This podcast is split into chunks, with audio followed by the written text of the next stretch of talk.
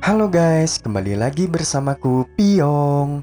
Tema hari ini membahas tentang makanan dan minuman. Mantap. Di dalam tubuh yang kuat terdapat makanan yang sehat. Uhui.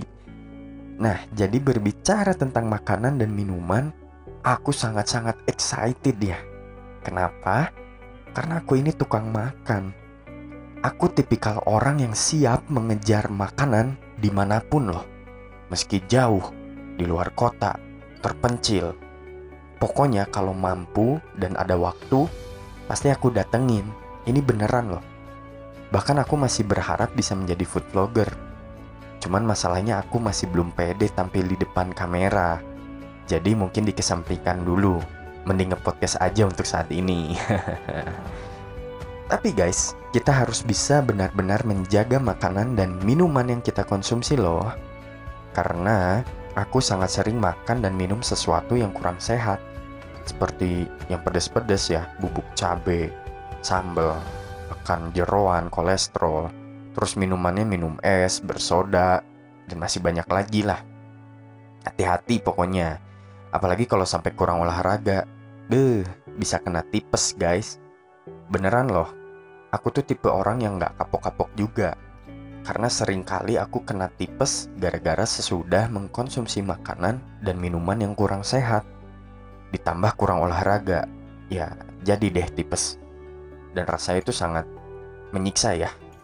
Tidak bagus gitu. Ingat pesanku ini. Kalau um, kalian harus bisa menjaga makanan dan minuman yang kalian konsumsi Ya, bolehlah sekali-kali makan or minum sesuatu yang kurang sehat. Sekali-kali loh ya, jangan keseringan. Bahaya.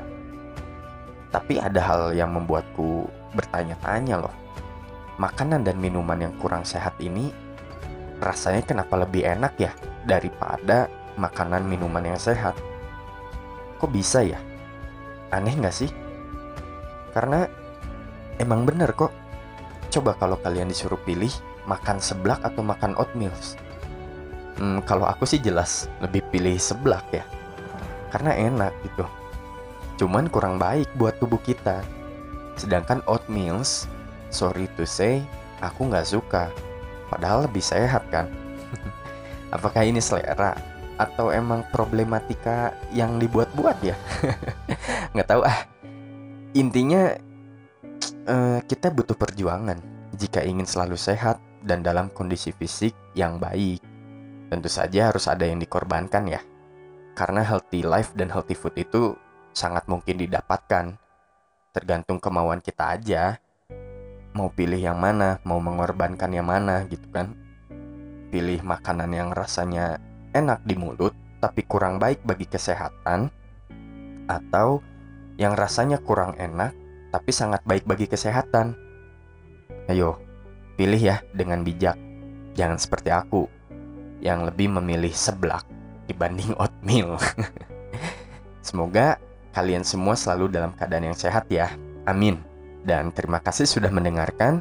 Sampai jumpa di tema selanjutnya ya. Dadah.